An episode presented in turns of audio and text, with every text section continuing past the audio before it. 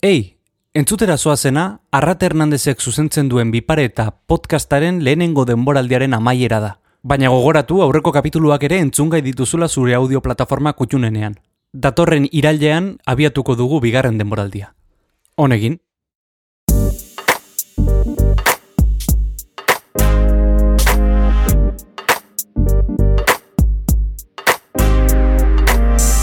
Kaixo, kaixo, zer modu Zarrate Hernandez oiarbide naiz eta gaur biparetan LGTBI komunitatea ezagutuko dugu aitzolearen eta transaktivistarekin eta informazio buru jabetza zarituko gara Lander Arbelaitz kazetari gonbidatuarekin.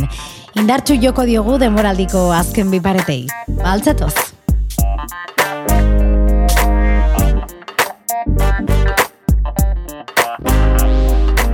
Ekainan zehar, inoiz baino hortzadar gehiago ikusten ditugu, ekainaren hogeita zortzian LGTBI mugimenduaren arrotasunaren eguna dela eta. Eta guk kolektiboa ezagutu nahi izan dugu, diagnosi bat egin eta entzun. Horretarako gonbidatu dugu, aitzole aran eta transaktivista, aitzole ongi etorri. Kaixo, egunon, muz. Gondo, prest. Zuere bai. Ni ere bai. Oso ondo. Oso prest. Eta zuzeuko erredakziotik, oier Arantzabal eta Nartz Bilbao ere, hemen daude. Egunon. Egunon. Egunon taldia. Esna. Bai.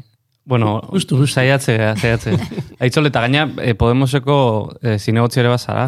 Ez? Bai, bai. Hori ere azken- Bueno, bai. Donostiako justo udalera sartu berri. Alkate Berri. gaia, alkate gaia. Izan itzan, bai, ena izatera. Bai, bai, bai. Hor, Bai. oposiziora pixka eta, eh, bueno, ba, ezakit, ba, transaktivistak bai olako agea, ez? Beti, eh, sisteman, ba, hor faiak eta sisteman kontra, ba, oposizioan bai, oposizio lana, lana egingo dut. Bai, eta gero, bueno, ba, baita ere ba naiz eh, estatu mailan justo Podemosen LGTBI politiken arduraduna. Baita. Beraz, badakizu. E, gaur, e, bueno, zertaz ari garen eta kolektiboaren inguruko mugimenduak eta zerbait badakizu, eh? Bueno, ikusiko dugu. A ber, hemen ez dakite azterketa pa, pasa behar deten, baina, bueno, nik uste bai, behintzate pixka sakon hitz egiteko aina egingo dugula. Bai. Bueno, argi dagoena da, e, LGTBI, LGTBIQ+, ere esaten da, e, kolektibo, ez dakit, e, homogeneo bat bezala hitz egiten da, baina e, realitate asko dagoela horren atzean. Bai, nik kolektiboari buruz baino gehiago komunitateari buruz hitz egingo nuke. Eta komunitate horren barruan ezberdintasun handiak daude.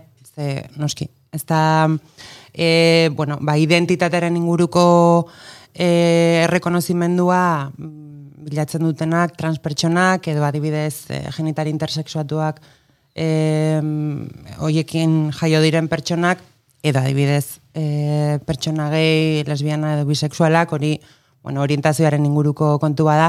Beraz ez dira esparru berdinak, ez? Baina egia da, bueno, orokorrean e, populazioaren zati txikiago bat gehan ez, bueno, ba, denon artean indarra egiten dugula, badauzkagulako e, opresietan aman komunean dauden gauzak, ezta? Bai, bai, klar, gutxiengo bat gea, baina emakumeak mundu honetan ere gutxiengo badira, naiz eta gehiengoa izan minorizatutako e, bueno, ba, komunitate bat gea ere bai emakumeak, ezta? Orduan gutxiengoaren nozio edo zentzu hori ere bai era zabal batean ulertu behar da.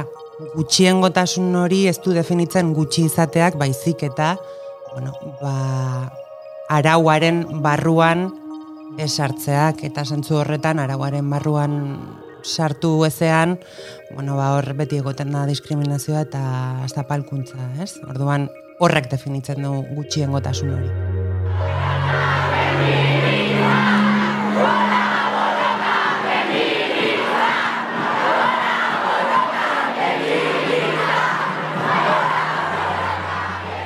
Oso garrantzitsua da e, olako gaietan, ez? E, e, bot, norbera boteretzea, ez? Zure kasu konkretuan, en, noiz konturatu zinen, ez, ez zeundela e, e, gizartearen kanon, be, bueno, kanon sarrien e, definizioen baitan.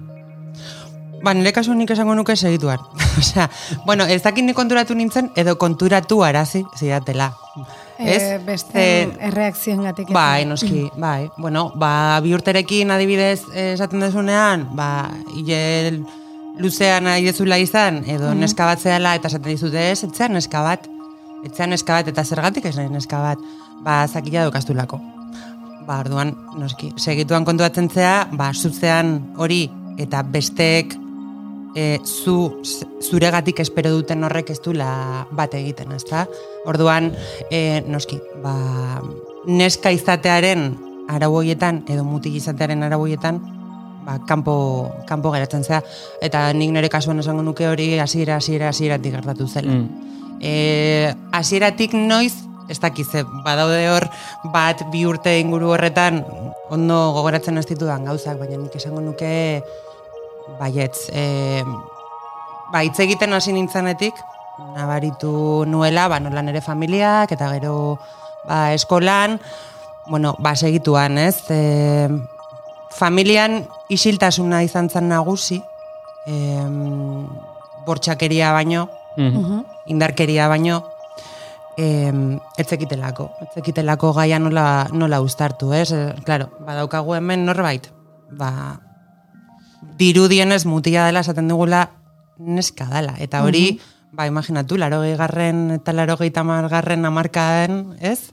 E, ba, ulertzeko oso zaila zen, etzegoen referenterik, ez? Etzegoen, etzegoen imaginario hori, etzegoen Etzen izateko, izateko aukera hori etzan existitzen, ez? Eta existitzen bali mazan zan, ba, telebistan medioetan agertzen zen hori, ez? Ba, prostituzioa, drogak, marginazioa, kabareta, eta horren inguruko ba, gai horietan, ez? Orduan, nire kasuan esango nuke nik hasiera hasieratik nabaritu nuela hori, baina, bueno, enaiz, e, enaiz kasu bakarra, noski, ez da zerbait individuala baizik, eta, bueno, ba, komunitate honetan em, asko gertatzen den zerbait, ze jende askok ba, esperientzia antzekoa partekatzen du, ez?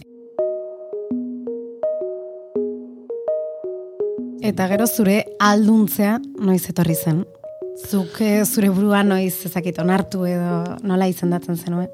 Bai, egia da prozesua zaila izan zela, eh? Nik beti esaten dut, nire kasuan, nik esango nuke nire haurtzaroa eta eta nire bezaroa pixkat galdu egin ditula. Nintzen pertsona bat, ba oso ezberdina, orain, orain naizenarekin alderatuta, ezta?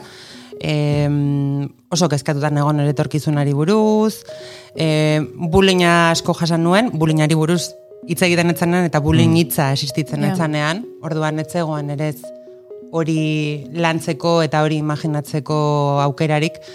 Eta gero, e, bueno, ba, nera ere bai, bueno, komplikatu izan zen, ez? Zen noski, ba, neska izate horren kanon, kanon horretan ez balimazea sartzen, eta nera bezaroan, ba, hainbat aldaketa gertatzen balimadia, eta jendea gero eta emakume eta gizonago bihurtzen den Bai, bai, horretan, ba, fisikoki, bai, Bueno, bai, ez eta- fisikoki, psikologikoki, Bai. edo adibidez, e, ba, ligatzean, edo, edo lagunen kuadrien inguru horretan, ez, ateratzen zenean e, gau ez eta hori dena, ba, ni hortikan pixkate beti aparte geratu nintzen.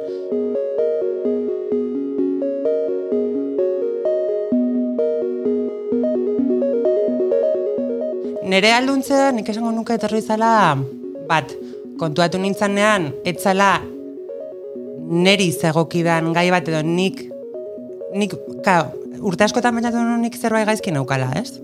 Osea, nire barruan etzegola zerbait ondo. Esaten ziatelako mundu guztiak, ba, ez etzean neska bat, etzean neska bat.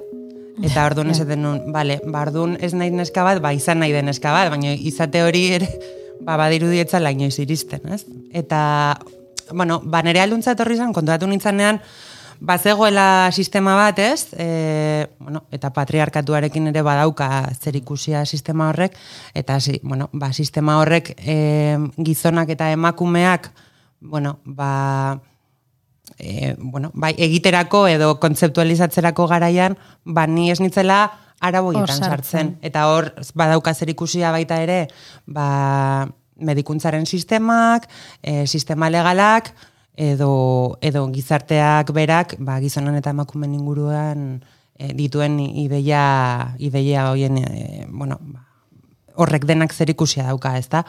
Orduan, e, horretaz konturatu nintzenean, eta baita ere gero nire kasuan, e, bueno, aktivismo gaietan sartu nintzenean, eta ingu, eta horrekin erlazionatuta ere bai e, berdintasun ikasketak eta sexologiako ikasketak egin ditunean, orduan, bueno, ba, horru lertu nun, bueno, ba, zergatik nintzen, nintzen bezalakoa, e, eta zergatik ez nintzen, esaten zidaten hori izan behar nuen bezalakoa, eta baita ere, ba, bueno, ba, ze joku arau, eta ze, bueno, ba, planteamendu bai teoriko eta bai praktiko dauden gizartenetan, ba, bastarkeriara ematen zaituztenak, ez? Eta batez ere etzela nere gauza bat, baizik mhm. eta sistema honen gauza bat zela.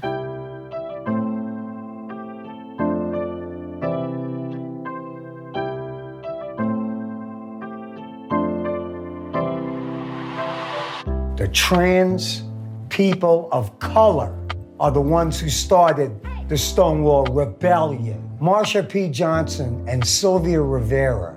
You want to know what they faced? Paying your dues with hair, teeth, skin and bone.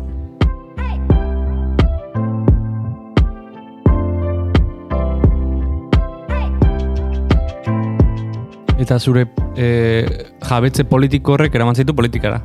Ez? E... Bai, bai, ba, badauka, bai, zentzurretan badauka zer ikusia, ez? Bai, nik nire autodeterminazio prozesua egin behar izan nun neria, bai. E, pertsonala, bai, eta eta horrek ere bazukan zer ikusia, ba, gaur egun ere bai, e, badagoelako bai nazioartean osasun erakundek dauzkaten katalogoek ba, ni bezalako pertsonak, ez? E, gaixotasun edo gaixo mental bezala kontsideratzen gaituzte eta horrek ere bai badauka zer ikusia 2007an e, Espainiar estatuan onartu zen e, lege batekin.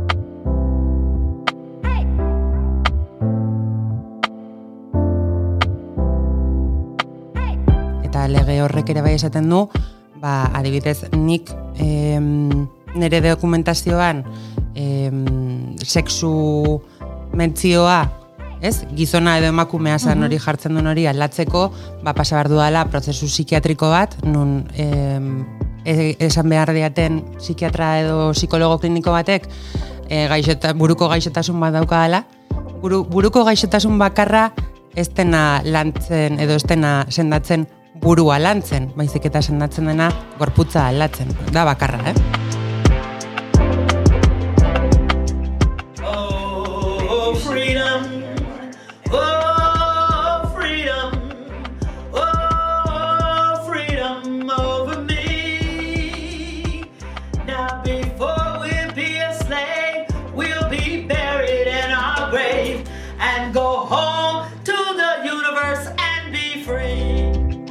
Eta lege horrek basaten du hori. E, disforia de genero e, diagnostikatu behar dizutela, frogatu behar dutela zuzeala esaten dezun hori, eta ez mm, beste norbait, eta gainera utxien ez bihurteko e, prozesu mediko bat e, pasa behar dezu, evaluazio psikiatrikoekin, eta bar, eta bar, eta bar. Mm. Adinez txikikoak eta Espainiar nazionalitatea zutenak e, lege horretatik kanpo geratzen dira.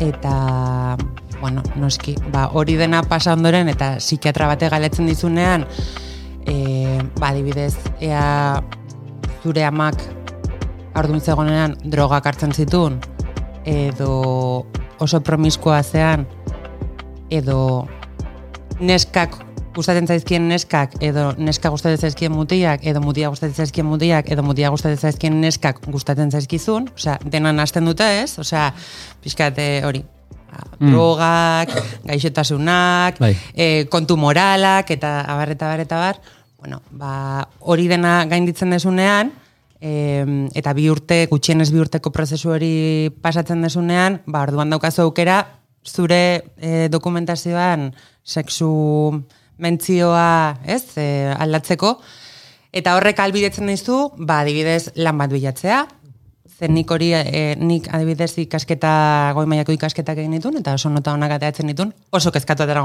nire mm. torkizunaren inguruan, baina hala ere, ba, prozesu hori guztia pasa behar izan nuenean, ez nuen, osea, ez nuen lanik topatzen, zen noski, ba, juten zian segurtasun sozialera, eta kontuatzen zian ez nenitzala hogeita mar urte, baino gutxiago zeuzkan emakume bat, bezik eta legalki gizonezkoan nintzala, ez?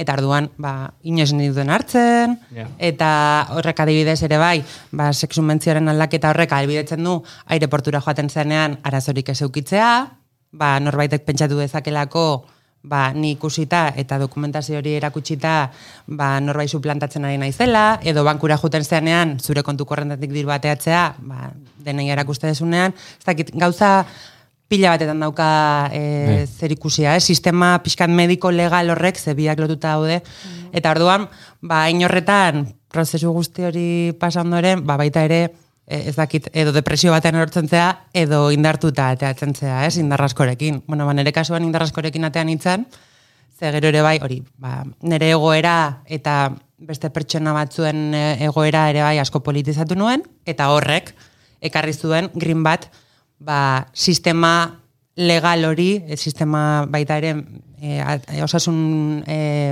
sistema hori aldatzeko grina, eta bueno, ba, gero egia da, handikan urte batzutara, bueno, ba, nola bihurtu nintzen aditua, ez? Sexologoa, berdintasun teknikaria, lege proposamenetan aritua, ba bai, e, nerekin kontaktatu zuten sentsibilitate hau e, Kontuan daukaten e, pertsona batzuk eta esan zidaten ea, bueno, animatuko nintzateken, bueno, ba, beste esparru batean politika gintza, beste maila batera egin nuen bezala, bueno, ba, beste erabakitzeko eskubide batzuen inguruan ere bai lanketa politiko bat egite.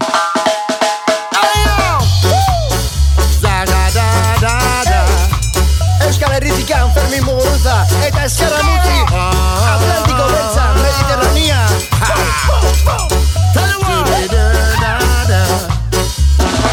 Atlantiko Beltza.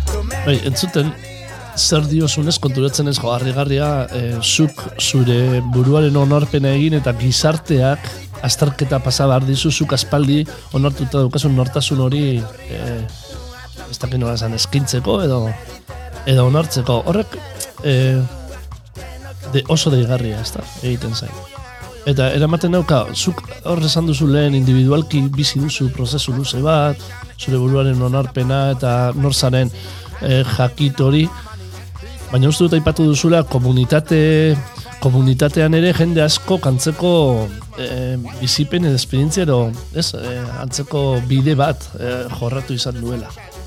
Horragian gainontzeko, gizartean gauden gainontzeko falta zaigu bideo hori. E, eta hor ikust, hor dago, ez, azterketaren egitearen absurdo edo gauza hain bortitz edo edo gogor hori, ez? Alduntzeaz hitz egiten ari gara, baina gure aldetik gaur e, ez dakit nola, nola esan, deskoloke bat suposatu du, ez da? Lehen asko zargiago zegoen kontu bat, emakume gizon, oin, badago hor beste mundu bat, hau da, nun replanteamentu bat eskatzen digun.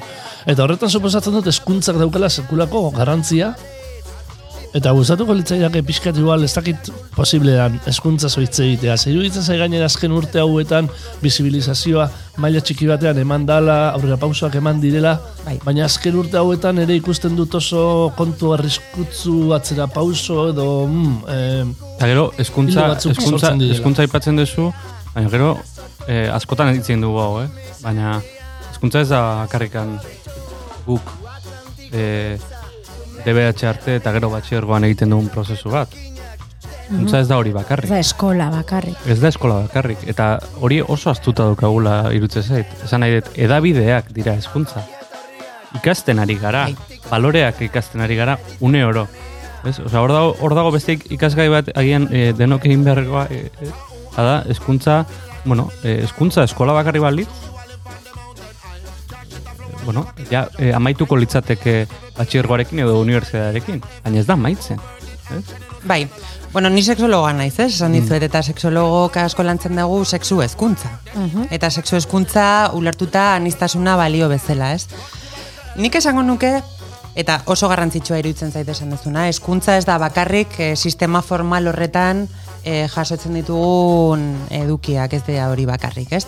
Baina sistema formal horretan, adibidez, e, anistasunaren eta e, sexuen hezkuntzaren inguruko ikasgai bat egongo balitz sartzen geanetik ateatzen gean arte, aurrera pauso izugarria izango litzateke, eh? Eta badago, gainera badauden materialak eta badago planteamendu bat, em, bueno, ba, asignatura bat eukitzeko, eskolan sartzen geanetik, em, unibertsitatera ateatzen, unibertsitatera edo beste ikasketa batzuk egitera ateatzen gean bitartean. Hori ere bada, em, erabaki politiko bat. Eta da, erabaki politiko bat, e, aniztasunaren, ez, bueno, deno gea anitzak, ez? Osa, hau da, ez da alde batetik dela pertsona batzuk eta gero LGTB, ez? Baizik eta hainbat plano dauzkagula denok, ez? Eta, Eta deno gea ulertzea anitzak, eta hori da. E, sexualitatea era zabal horretan ulertzea, ez? E, nik uste dut hori izango bagenun, zen nik sexu eskuntza ere ematen, da, sexologoa naiz, eta e, terapeuta naiz, baina sexu eskuntzan ere aritzen naiz, ez, urtero, urtero.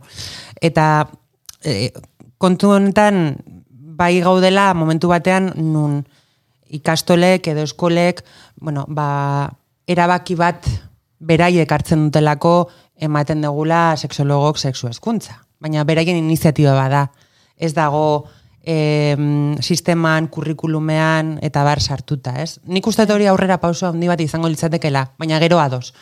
Eskuntza ez da hori, bakarrik eskuntza da ditugun erreferenteak, zer ikusten dugun komunikabideetan, ze mezu helarazten dizkiguten komunikabide horiek eta eta baita ere gure inguruan ze hizkuntza entzuten dugun, ez? Hizkuntzak eta hitzek ere bai errealitateak albidetzen dituzte edo mugatzen dituzte, ez? Ez bali ere ez hitz egokiak e, errealitate konkretu batzoi buruz hitz egiteko, ba errealitate horiek ere bai hitzalean geratzen dira askotan, ez? Eta hori ere zuk aipatzen zenun bezala, hori ere eskuntza da, ez? Eta agian eskuntza era zabalago horretan ulertuta, ba oraindikan esparru gehiago irikitzen zaizkigu eskuntza hori edo pedagogia hori benetan egiteko. Mm. Eta hor, zuk somatzen duzu belaunaldi ezberdinen artean, eh, azken batean hori ez, bizibilizazioa edo komunikabideak, eskuntzan, gutxi edo asko egin, iruditzen zait, gai hauek jorratzen ari direla pixkanaka, naturaltasun gehiago, akaso lehen baino, belaunaldi ezberdinen arteko nabaritzen duzu, e, badagoela, ez dakit nola esan, beste ulermen, beste trataera bat, aurrera edo atzera edo keskaz edo nola bizi duzu. Bai, ba, badago aldaketa bat, eh? Nik esango nuke gai honen inguruan gero baino, oza, lehenago baino askoz gehiago hitz egiten dela. Hor ere bai bere biziko garrantzia izan du, bueno, ba, aur, ez? Transexualitate egoeran adibidez, e, dauden aurren inguruko, ez, e, bisibilizazio horrek eta bereien familiek beraiek babesteko eta defendatzeko egin duten apustuak, ez? Horrek ere bai pixkat paradigma hautsi egin du, ze ni bezalako e, pertsonen inguruan zegon e, ideia zan, bueno, bale batetik denok, e, gure buruarekin oso gaizki sentitzen ginala. Denok operatzen ginala gure gorputzeko atal guztietatik eta batez ere genitaletatik, hori ere mito bada. Uneko sortzi bat e, operatzen da genitaletatik. Eta baita ere, bueno, ba, hori, hau aukera bat zela, bizitzeko era bat, aukeraketa egiten zen nula, ez? Eta orduan, ba, hori, ba, prostituzioa, eta bueno, hor dauden mitoien inguruan. Em, aurrak bizibilizatu dianean, hiru urteko, lau urteko aur bat, aur batek esate izunan, ni neska naiz, edo ni mutia naiz, ez dizu esaten, operazioen inguruan ezer, ez dizu esaten eh, hormonen inguruan ezer, edo ez dizu esaten bazterkeriari buruz ezer esaten dizuna da, beran nordan. Eta horrek ere bai, ba, beste mito horiek ba, era bat e, hausten ditu, ez? Ze kontuatzen zea, bueno, ba, alde batetik hau ez dela kontzienteki egiten den aukera bat, edo eta nik uste dut hor azkeneko bost urteetan, ba, familia hauen e, agerpenarekin eta aurra hauen bisibilizazioarekin hori dena pixka bat aldatu egin dela, ez? Eta horren ondorioz ere bai, eta aurra hauek eskoletan eta beren e, inguru gindoan, eta bereien familiek egiten duten e, karpen horrekin ere bai, ba, gero eta gehiago hitz egiten ari da gai inguruan, ez? Nik ik- ikusten dutena da, bai, paradigma hori pixka bat aldatzen ari dela, baina era berean ere bai ikusten dut nola, em, ba, gero eta ikusgarriagoa egite horren beste em, kontrako indar bat dela adibidez LGTBI pertsonen em, ba, e, aurkako indarkeria e, handitu egin dela, ez? Eta adibidez Euskal Autonomia Erkidegoan, e, Euskal Autonomia Erkidegoa da, hirugarren erkidegoa nun salaketa gehien egiten diren e, LGTBI fobiagatik. Orduan, bueno, ba, pixka bat hor daude indar kontrajarriak, ez? Gero eta aurrera pauso gehiago, ba, gero eta, bueno, ba, indarkeria ere gehiago jasaten dago, ez?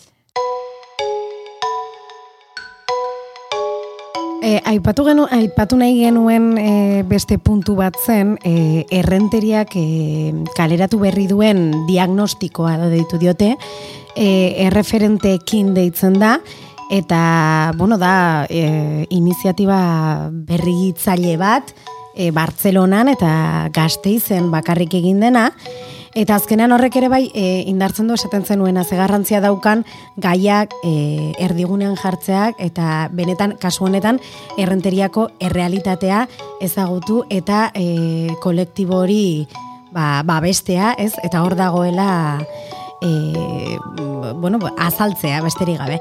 Eta haiek, bueno, nabarmentzen zituzten e, puntuetako batzuk, dira dibidez, sexilioa, ez, e, hor e, batetik dago, e, nola batzuk bere ingurunean e, ez diren ondo sentitzen. Eta horregatik kanpora joan behar duten haien e, identitate, bueno, haien askatasun hori e, bizitzera, bizitzeko, eta bestetik e, nola batzuk e, inkontzienteki edo esango dugu, zakit, nola esan, e, kanpora joan direnean, ez horri hori bilatzera, baina kanpora joan direnean nola aurkitu diren haien buruarekin eta nola deskurritu dituzten gauza berria.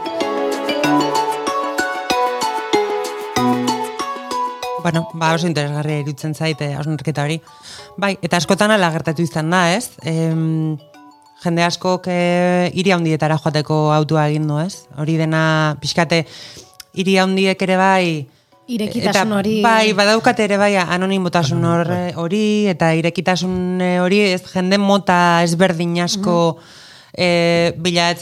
eta arduan, e, bueno, ba, sexilioaren e, fenomeno horrek ere bai badauka, ez? E, landa ere muen eta hirien e, inguruko aferretan ere badauka zer ikusia, mm ez? E, bai, nik esango nuke hori gero eta gehiago gertatzen dela, eta Bai, e, eta, eta ikusten degula, ez? E, nola jende asko ba, bere herriak utzi eta hirietara joaten den, eta orduan badirudi, ba, herri horietan, bueno, ba, beste bizibilizazio eta pedagogia hori ere egiteko uh geratzen dela, ez? Eta, bueno, ba, zentzu horretan ere bai, bueno, ba, lan asko dago, lan asko dago egiteko, ez? Lehenago ipatzen zen dituzten komunikabideak, eta, bueno, niri harridura pixka batekin, baina era berean ere bai ulertzen dut, adibidez, ni e, atea naizenean e, alkategai eta ez, eta gero talde politiko baten e, bozera maie, izan naiz lehenengoa, eta hori atera da, telebistan, na, e, nazio maiako prentxan, eta bar, eta bar, eta bar, ez?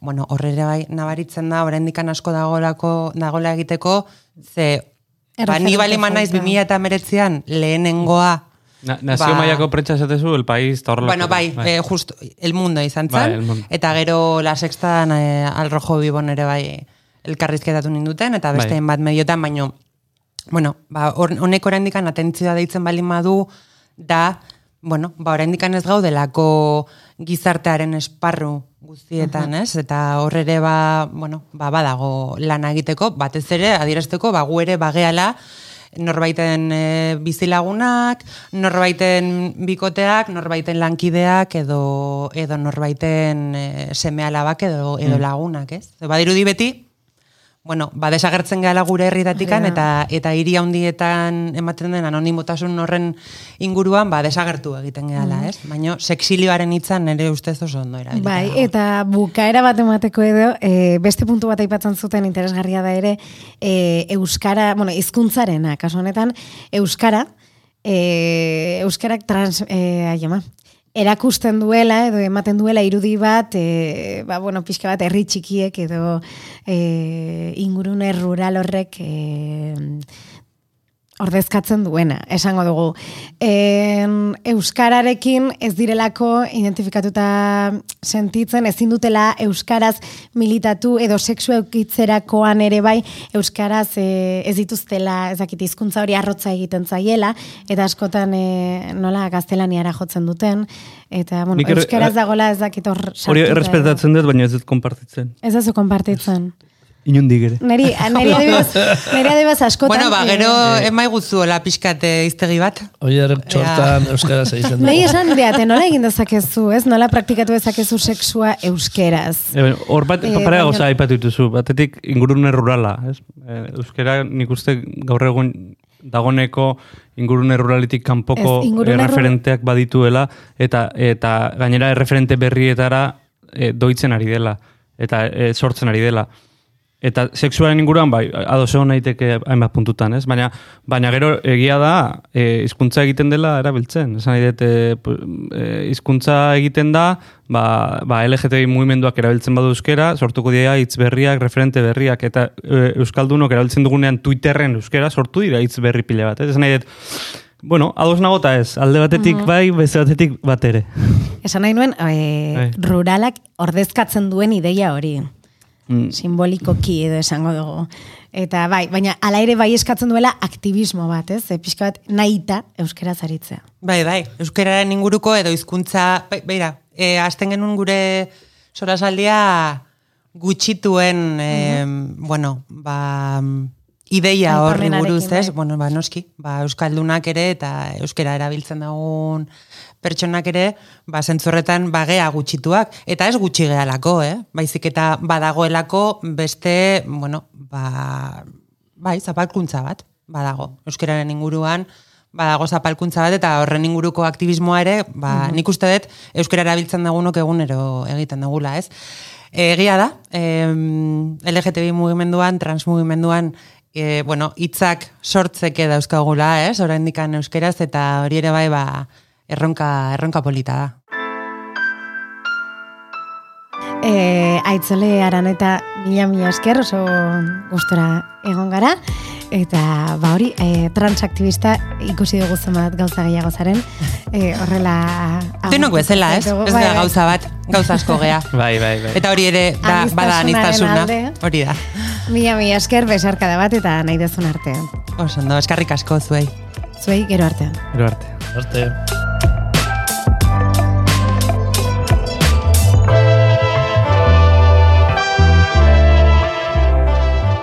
Zuzeu podcast. Zure hizkuntzan mintzo diren istorioak.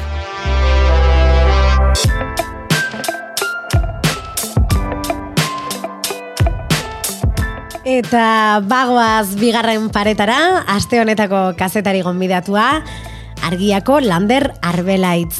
Lander, e, badakizuzuk itxiko duzula bi paretako lehen denboraldi hau? Bai, Orea, eh? bai, placer bat. Guretzat ere bai. Bueno, zuzeuko erredakziotik eh, gaur eh, bakarra, kazetari bakarra, bainat jatzen barek, ongi etorri zure ere. Itorri, bakarra, nahikoa eta sobera. Earki ba. Bueno, eh, Landerrek eh, mai gainean jarriko digun gaia informazio buru jabetza izango da. Eh, hain zuzen argiako larrun monografikoko ekaineko alean, eh, landuko den gaia, landu den gaia, edo bueno, hori aurrerapena izango da behintzat. Eh, Lander, zu arduratu zara ale honetaz. Bai, egia esan labetik atera berri dago, eta oraindik ez da zabaldu, etxetara datorren astean iritsiko da. Eta eman dit burua uste desente, azkeneko bi hiru asteak pasa ditut Mm. Erabat frikismoan sartuta edabideen Bai. gaiarekin. Informazio buru jabetzak buru uste asko eman dizkizu zuri, preseski. Bai, buru jabetza edo buru gabetza. Bai, Eta nondik hasten da gai hori lantzen edo nola lantzen da informazio buru jabetzaren gaia? Bueno, ba, abia puntua da, azken aldian espazio politiko batzutan buru jabetzak, ez, pluralean aipatuta indar hartzen ari diala, ez? E, Kataluniatikan indar handiarekin dator e, kontzeptu hau, ba, elikadura buru jabetza, kultura buru jabetza, finantza buru jabetza, teknologia buru jabetza, eta bar, eta bar, eta bar, ez? Eta denetan, e, ideia da, gaur egungo eredu neoliberal honi aurre egiteko, esparruz esparru, pues beste logika batean lanean hasten diren komunidadeak direla, eta gainea aplikatzen dizkiotenak bere buruari ba, lan egiteko pues, balorera aldatzaileak, ez? Eta guk argian bagenera eman demora bat eh, esanez informazio buru jabetza lantzeko dago edo mai gainean jartzeko dago kontzeptu bezala eta gaina balidoa da zeren edabideen panorama pues, elikaduraren gaian multinazionalek eta bar dakaten rola izugarria bada, ba, hemen ere bai. Ez? Bai, bai. Eta orduan, ba, kosta zaigu, zeren ez da beste hizkuntzetan ere ez dago idatzia. Informazio buru jabetza. Orduan, ba, ibili behar izan du gea, edo ibili behar izan du naiz, ba, bilatzen beste kontzeptuak, ba, elikadura buru jabetza nola esplikatzen zuten, nola planteatzen zuten politikoki, ba, hori dena, pues, traslazio bat egiten uh Aintzindari bezala, orain eh, eduki duguna itzole aranetak ere esaten zuen bera aintzindari izan dela edo izaten ari dela bere e, bueno, politikarako saltoan eta hori guztia.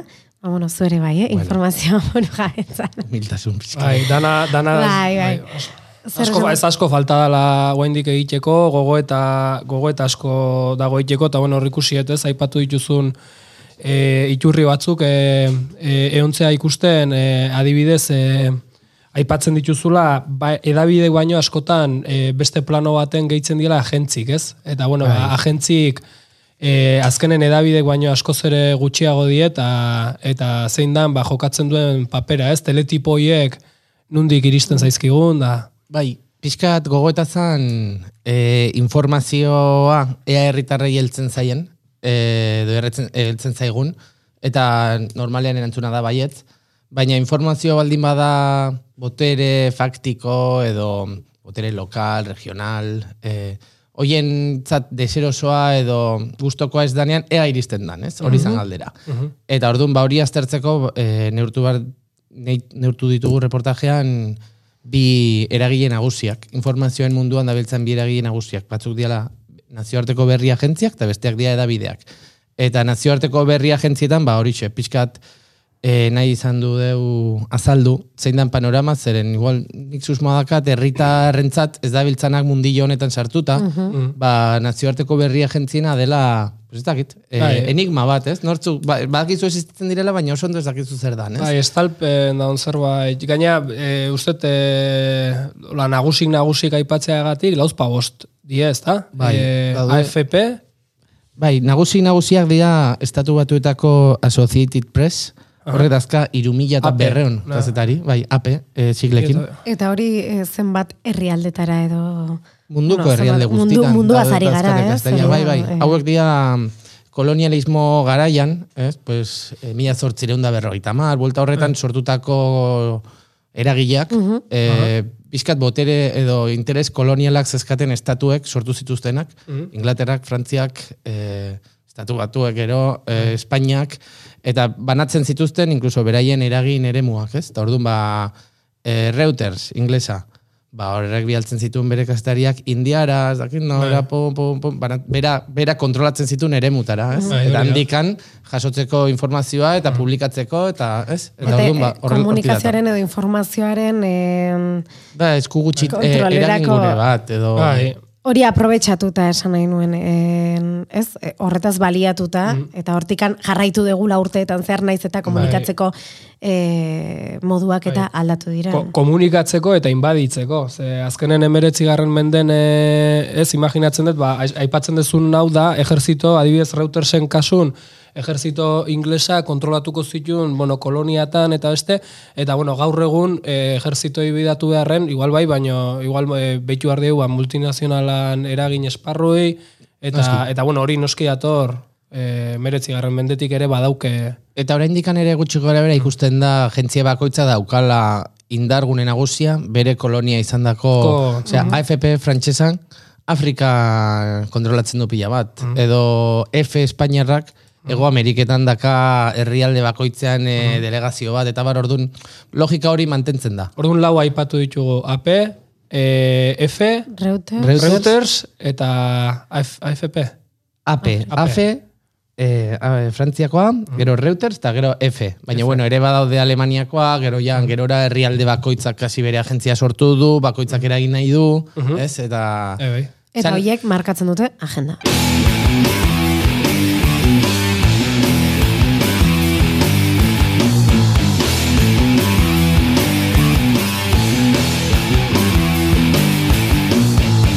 Hoiek batez ere markatzen dute edabideetan edo edabide hegemonikoetan nazioartea atala di dagokion e, aktualidadea, ez? Hauek dira mundu osoan dauden kazetariak, bialtzen dituztenak ba, herrialde bakoitzan gertatu den gauza garrantzitsuena, eta orduan ba, nazioar, artz, pizten badegu orain telebista eta jartzen dugu ETV, albistegian. Eta nazioarteko notiziak ikusten baditugu, normalean, salbu eta korresponsalak daudenean, dira agentziek bidalitako korteak eta beraz notiziak, ez? Eta beraz, bat norbaitek aukeratu du hori albiste badela eta herrialde hortan bertan gertatu den ez dakit zer ez dela notizia, ez? Eta hori txegu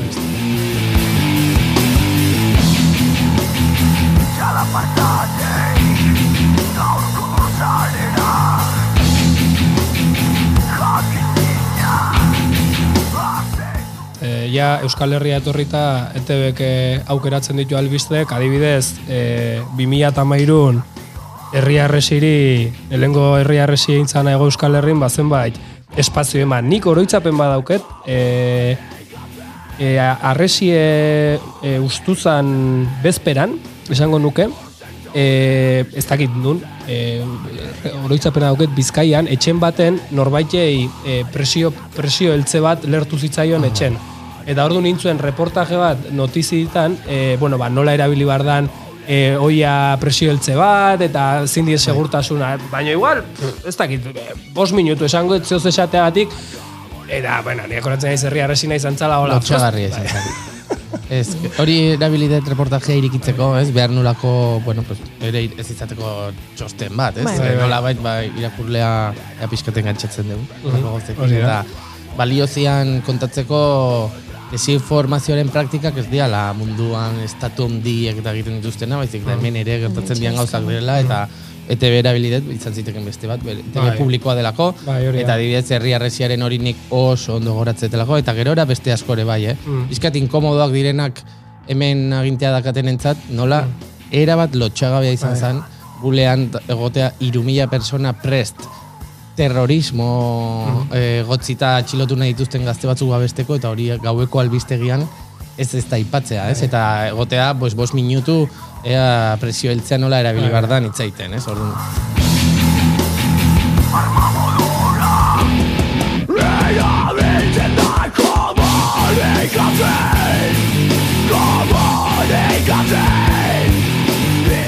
Bueno, eta jarrai dezagun e, erreportaje horrekin, pixka bate joan gera radarretatik. E, zer, ze puntu jaso dituzu e, informazio buruz, buru jabetzaren inguruko erreportaje honetan? Bueno, pues, eh, lehenik eta behin esan dakoa, ez? Ba, eh, albiste agentziak nazioartekoak eta edabideen rola pixkataztertu deu, eta gero beste puntu bat da, gaur egungo politikak edo politikariek ze eragin zuzena dakaten panorama mediatikoan, alegia ez pentsatzeko guk, ba, adibide bat jartzearen diario basko beste egunkari guztiak, baina askoz potologo da horritan, ez gu baina askoz hobea direlako, eh? dakate urteetako babes politiko eta publiko bat ez dakana izenik. E, jasotzen dituztela bi milioi euro publiko baino gehiago urtean. Eta hori guk kontatu ditugunak.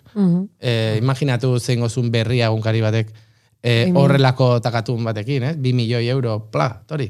Edo argia batek. Bai. Bi milioi ez, em- eman bosteun mila, eta, ez? Bai. Eta estimatuko genuke ez. Alegia, hori hori nahi nun esan edo irratietako lizentziak banatzean, pues hori politikarien esku dago, edo telebistako kateak nori eman baimenak nori ez, eta bueno, pues beste kapitulo bat da horri buruz, Eta hori irudikatzen zenuten tarta horren, ez? E, Bai, bere garaian egin genuen, proportzioan- egin genuen tarta bat eh, argian portadan jarri genuen hemen berreskuratu dugu berriro, pizkat eh, aizkurea eragintzuna. Bai, Visuala da, oso visuala da. bai. Bai, baina eske hau da panorama. Eh? da. Hau da, 2017an eh, Eusko Jaurlaritzak emandako publizitate instituzionala eta babesletzak aztertu genitun. Oso lan nekeza dena, eh, zen ez ditute zuzenean ematen nola plast datu hau, baizik eta da Excel, igual dira bizpairu Excel, inkluso datuak batzutan e, koinziditzen dute, orduan ez ez duan kasartu naiz, ez diozu edabide bati egotzi nahi eman diotena baino gehiago. Ez? Orduan, ba, mm-hmm. beti bilibartzea oso kontuz eta tentsio handiko lana da, mm. eta guiritsi ginen, ba, kalkulo hauetara. Ez? 2008an jaurlaritzak bozentorena eta beraz BBV-arena den banku bati badakiguna zei bilbide dakan eta zer jokatzen duen, horrek jaso zuen milioi bat eta berreun mila euro publizitate instituzionalean edo diario baskok illa milioi bat edo kadena zerrek zeireun da irurogei mila edo deiak illa bosteun mila euro. Eta aldi berean horrekin jo, esaten genuen azan zeren gu ibili ginen deika e, ardura dune eta bar ea irizpideak zen diren banaketarako irizpideak eta oso lasai izan dezaket ez dagola irizpide gardenik, eh? Beraiek esango ditute?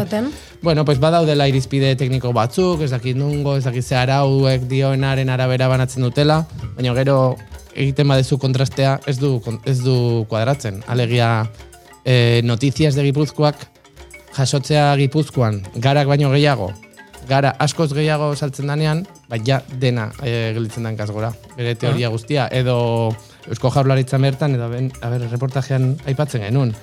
Em, ez dakit oso ondo dagoen. Ah, bai, pues, e, 2008 zazpian, kadena 100 irratiak eaen laro gehieta mila entzule zitun, eta onda baskak hogeita lau, alegia onda baskak askoz gutxigo, Aha. eta kadena 100 jaso zituen eh, ah, ez barkatu eh, kadena 100ek eh, laro gehieta mila entzulerekin hogeita lau mila euro jaso zituen eta onda baskak hogeita mila entzulerekin askoz gutxiago berreun mila Aha. askoz gehiago Orduan, Ja, zein da irizpidea, ez? Ba, ez dago, e, irizpidea...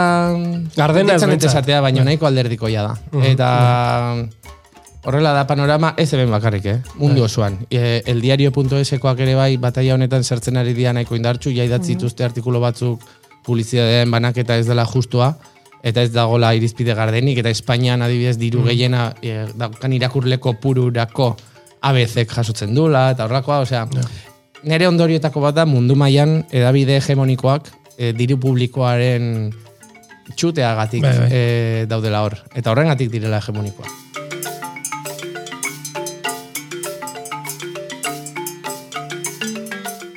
Eta edabide hoiek zer kontatzen dute eta zer ez dute kontatzen.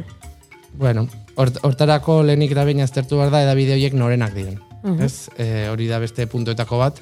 Eta... Guztiz lotuta dagoelako. Bai, era bat lotuta dago, inork ez dio jaten ematen dion eskuari kozkaiten, ez? Eta, bueno, pues ondorioetako bat da, adibidez, Espainiako estatura etortzen baldin magea, e, 2008ko krisiak kolpe oso handia izan zala, e, edabide hegemonikoentzat eta gelitu zirela zorpetuta, baina danak, eh?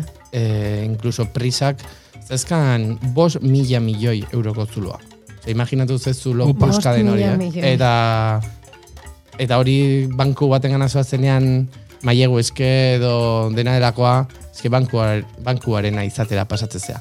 Eta bankuek pues, barkatu zizkieten zorrak, egin zizkieten, bueno, pues, eh, jokabide finanzieroak ba, egoera horri buelta mateko, Bai. baina gelditzen ze bankuan esku, ja bere atzea. Ja. Eta bankuak igual nahiago du, euki, tresna bat, zuloa egiten duena urtero, baina bere interesak defenditzeko balio duena, zeren gaur egun, ere, reportajean ez dut sartu, baina periodikoak, gero ez da gutxigo, baina hala ere jende askoren gana heltzen dira gaur egun. Adibidez, eh, antzerkira askoz jende gutxiago juten da, edo museoetara jende gutxiago juten da, edo beste kultur em, produktu batzuk askoz konsumo txikiago dute, baina egunkariek oraindik Mhm. e, badakate, badakazu aukera nahiko transversalki jende askoren gana heltzeko, ez? Eta horrengatik, pues, mantentzen dituzte, zulo egiten duten periodikoak, kioskoan daude egunero.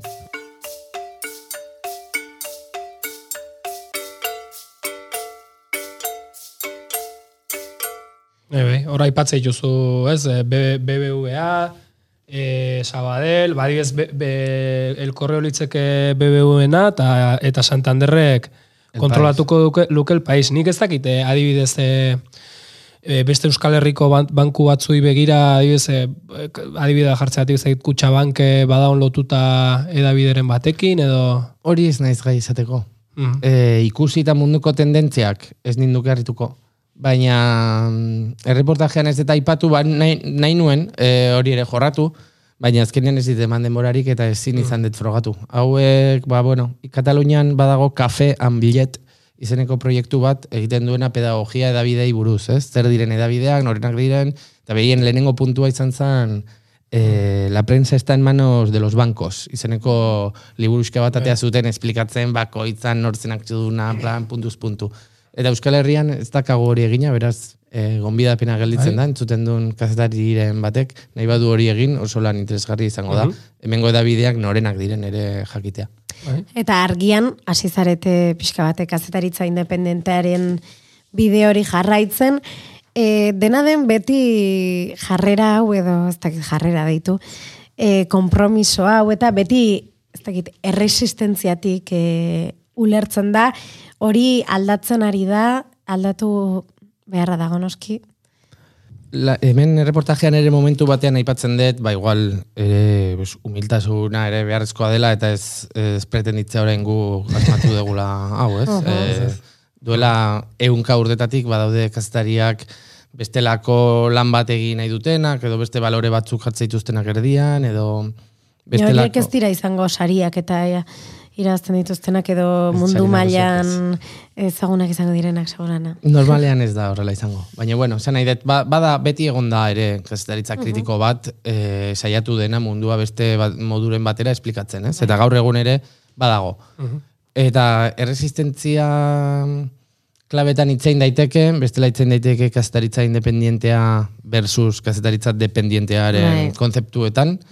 E, momentu baten ere hemen e, niri kostatzen zitzaidan e, kazetaritza independientea eta bar e, definitzea zeren gu barruan gaude, ez, gu argiakoa gara, orduan, ere ez da ez da gelitzen oso dotore, zuk definitzea, zuk Ja. partetzea. Bai. Eta orduan eskatu nien laguntza El Salto edabidekoei, Pikara magazinekoei, Aiaraldeakoei eta La Direktakoei. Askoz gehiago hori ere algenien laguntza eskatu, baina bueno, pues, e, batzuei behintzat bidaltzearen, ba, ber, behaiek, behaiek nola ikusten zuten panorama, eta behaiek ere pues, edabide horietan pues, behintzat e, langileak dia jabeak, eta edo kooperatiba bezala montatuta daude, eta pixkat hori hartuta irizpide bezala. Eta bat, e, El Saltoko Pablo Elorduik esaten zuen, ba gaur egun e, edozein kazetarik, edo edozein kazetaritzak nahi diola bere buruari jarri independentearen etiketa.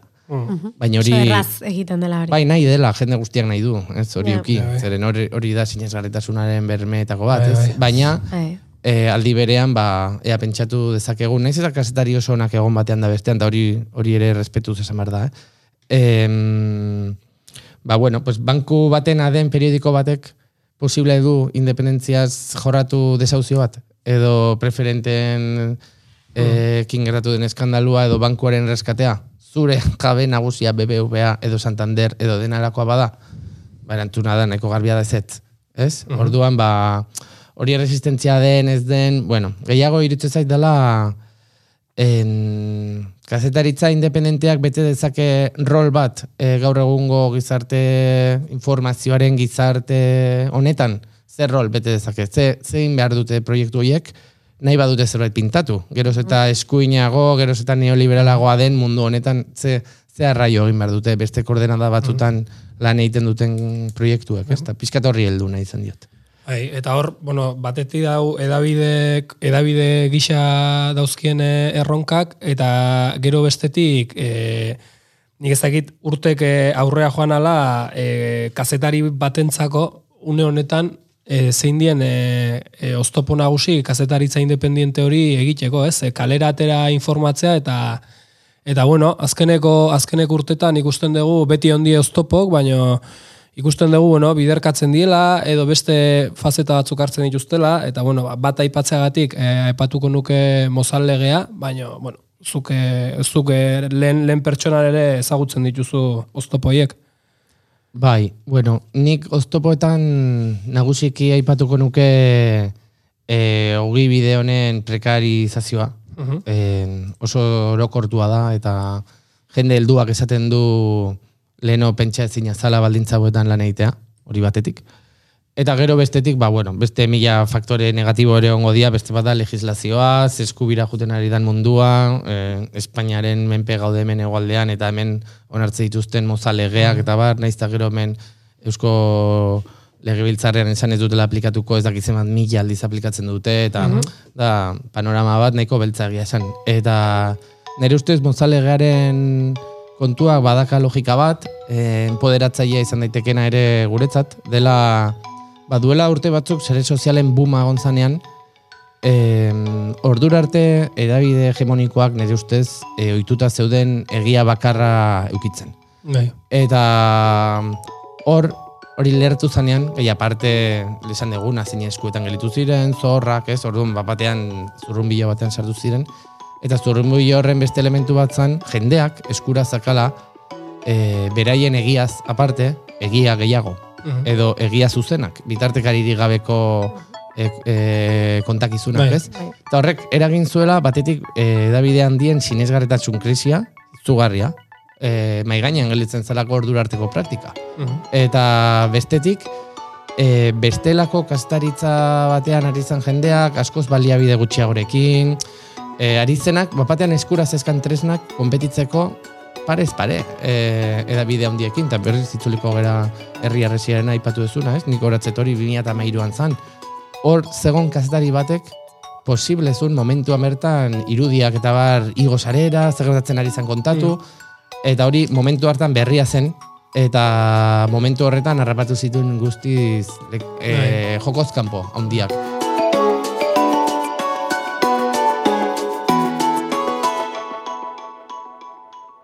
Eta ordura arte ohituta zeudenak gai bat isiltzea erabakitzen bazuten, isilpean pasatzen zen normalean, edo, bueno, beti daude salbuespenak, eh? baina e, nik herri arresiaren mobidan ikusi nuen herri edabide txiki ugari, pues, irutxuloko hitza, e, na, e, infozazpi bertan zegon, garako kazetariak bertan zeuden, berriakoak, gu argiakoak topatu, e, ahotsa, Bai, bai. bapatean hor juntatuz bai, ziren edabide txiki ugari, bakoitza bere erpinetik eta bere publikoari kontatzen eta elkarrelikatzen eta hor gertatzen zenak ere a- a- etzen artifiziala, gertatzen ari zena oso potentea zen.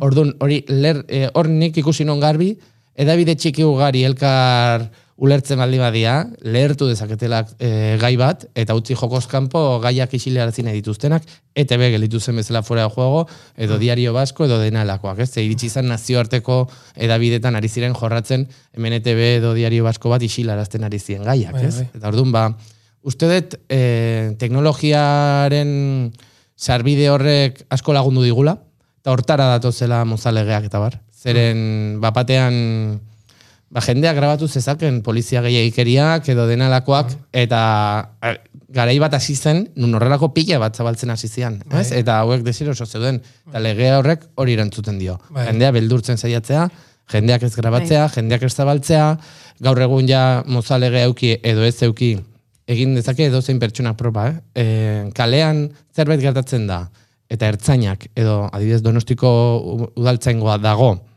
eta zu astemazea grabatzen, direkto etorreko zaizu bat, eta identifikatuko zaitu. Direkto, eh? Plan, dago beraien ja... Eh, protokolo, bai, beraien protokoloetan dago, eta horrek asko intimidatzen du. Eta horri aurre egin behar zaio alduntzetik, bestela Eta usten berriz diogo ere grabatzeari. kontrolaren eta beldurraren... Bai. Ez?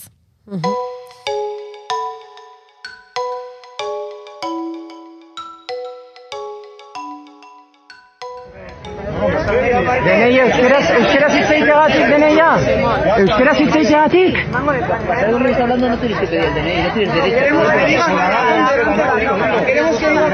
Euskeraz hitz egiteagatik han deneia? Eh?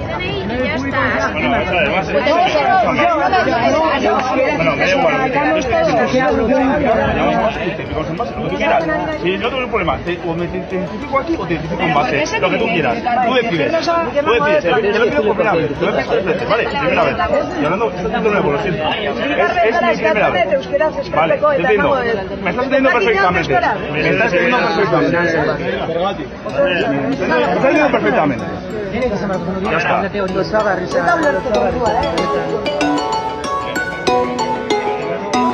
Eskubide kontua ere, bai.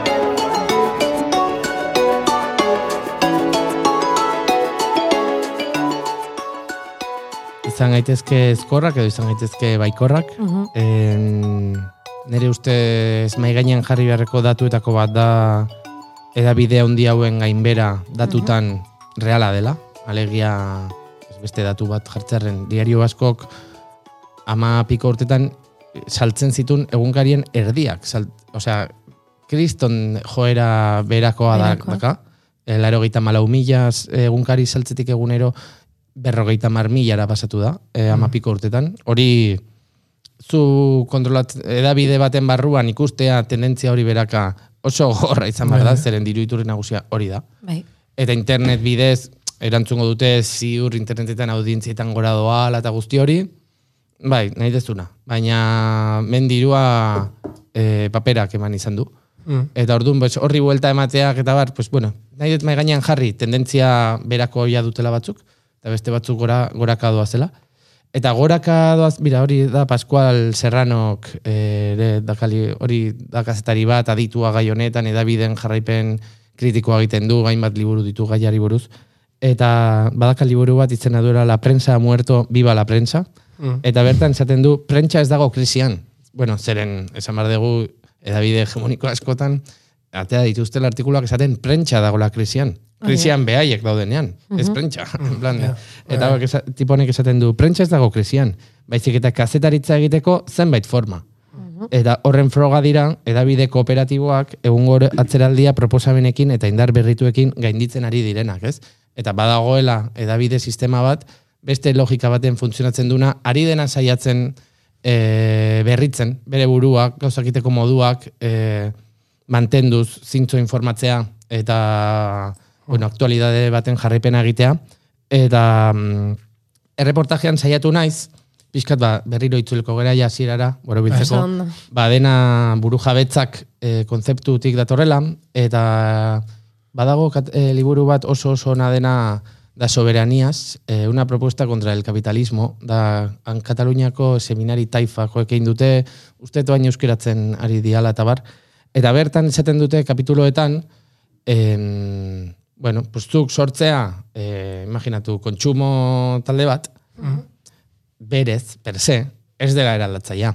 Eraldatzaia da, egiten badezu lan, balore batzuen arabera. Ez? Orduan, zu izan, zuk sortu zen ezake, ez dakit, energiaren ez dakit ze enpresa eta kapitalista txiki bat izan. Ez? Bai. Horrean indoan, ez? Bueno. Eta orduan hori, ere, aplikatu behar diogula, kazetaritzari informazio buru jabezat zitzaiten badegu, eta orduan, ja ez dala bakarrikan zertaz informatzen dezun, hori oso garrantzitsua dela, baizik eta zure hildo editoriala, ez du bakarrik idazten dezunak, edo egiten dezunak, edo, ira, edo eh, esaten dezunak egiten, baizik eta zure praktikak, enpresa bezala ere bai, ez? Eta orduan hor, hori da eh, reportajearen amaieran aipatzen dituna, ba, bueno, zein izan daitezke informazio buru jabetzara bidean kazetaritza independentea egiteko oinarri eraldatzaileak, batzuk botatzearen ez du inungo katedra jarri asmorik, baizik eta eztabaida bat asteko Bai. puntu bat izan nahi du, ba bueno, pues lehenik eta behin kazetaritza lan zintzoa egitea, por supuesto, ez? Bai. Baina gero, pues, eh, herritarren informazio eskubidea bestelako interesei lehenestea,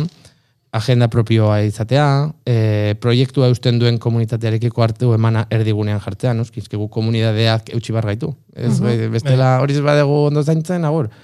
E, barne antolaketa horizontalak eta feministak bilatzea, elkartasuna gitxako baloreak sustatzea, multinazionalekiko dependentzia txikitzea, sare sozialetan eta barrez, teknologia burujabetza jorratuz, e, edabideen arrasto ekologikoa murrizteko neurriak hartzea, ekonomia sozial eraldatzaia bultzatzea, edabide independenten sarea elikatzea, kultura librea sustat, bueno, pila bat, ez? Eta azken finean da, beste burujabetza prozesu guztien oinarri gisa ulertzea informazio burujabetza zeren ari baldin bada norbait energia burujabetzan, beste bat elikadura burujabetzan, bestea finantza burujabetzan, eta ez dago edabiderik horri buruz hitz egingo duenik, hor, Galtzen hor da badaka, hor badago rol edo funtzio potente bat, ez? Edabide independenteek bete dezaketena dala eraldaketan ari den edo nahi duen eh, komunidade bat elikatzea. Elikatzea. Ez?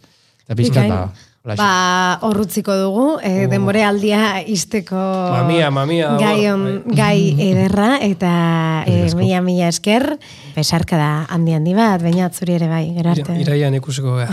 Bueno, zuei ere zorionak, eh? eh kimen honengatik eta hau da bidea, probatu gauza berriak egin, em, badakagu, ere ez dugu elkarrezketa osoan aipatu, baina euskeraz ari gehan edabideok ere, badakagu eh, lan handia egiteko, eta egiten ari gea egunero, osea, baloratu behar da, Bai. eta, bueno, egunero lan egitea euskeraz, bada administratiboki ikusten edo aitortu nahi ez duten mapa bat elikatzea, beraz, bueno, zorionak zuei ere, eta Aurrera. iraia Aurrera, artea.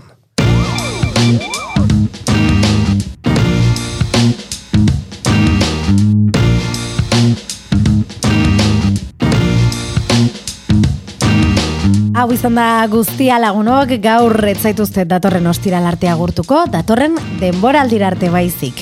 Hori bai, gogoratu, biparetako zein zuzeu podcastek ekoizten dituen beste bi saioetako atal guztiak eskuragarri dituzuela zuen audio plataforman.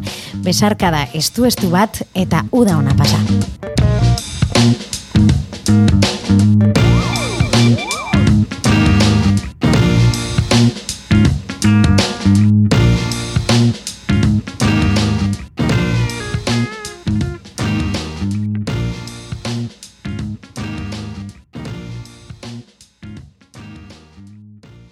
Edozein plataformatan entzun dezakezu zuzeu podcast. Spotify, Apple Podcasten, Google Podcasten, eta plataformaren batean espalima gaude, idatzi podcast abildua zuzeu.eus elbidera. Hori da podcast abildua zuzeu.eus. Eta segidan igoko dugu plataforma horretara ere gure edukia. Eskerrik asko eta hurrengora arte.